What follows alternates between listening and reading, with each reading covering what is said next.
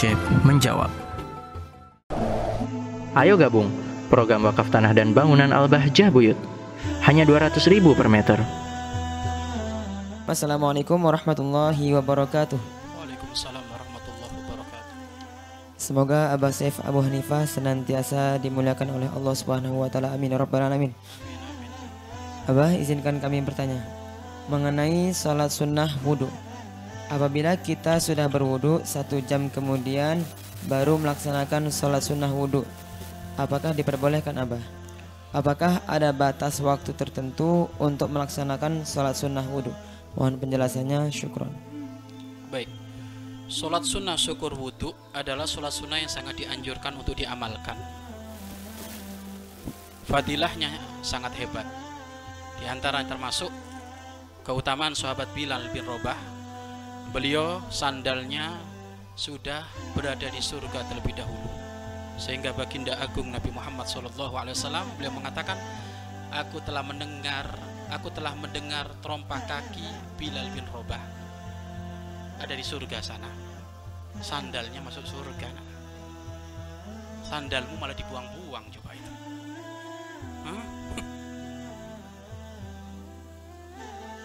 apa yang kamu lakukan wahai Bilal ternyata sobat Bilal adalah orang yang senantiasa istiqomah mengamalkan sholat sunnah syukur wudhu lalu batasnya bagaimana? Batasnya adalah sampai batas mu mualah. Mualah itu adalah tidak sampai air wudhu yang iya. Berlaku untuk wudhunya adalah kering. Kalau sudah satu jam ya hilang itu sudah keutamaannya adalah hilang. Apalagi kalau sudah dia duduk ngobrol sama temennya ya sudah hilang. Karena utamanya adalah berge bergegas. Kok bisa utamanya bergegas karena iya iya fastabikul khairat berlomba-lomba dalam kebaikan. Berlomba-lomba dalam kebaikan. Coba saya mau nanya berlomba-lomba dalam kebaikan itu malas-malasan atau bergegas? Bergegas. Makanya sifatnya kita ibadah kepada Allah itu bersegera.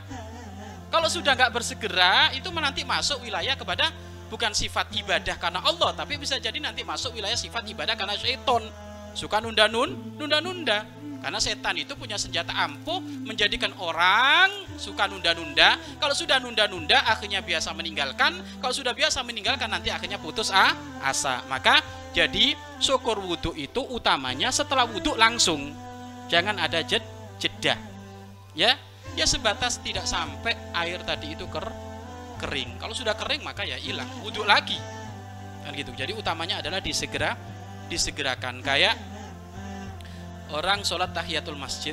Sholat tahiyatul masjid itu adalah kapan dia masuk ke masjid segera sholat tahiyatul masjid. Kalau dia sudah duduk ngobrol hilang.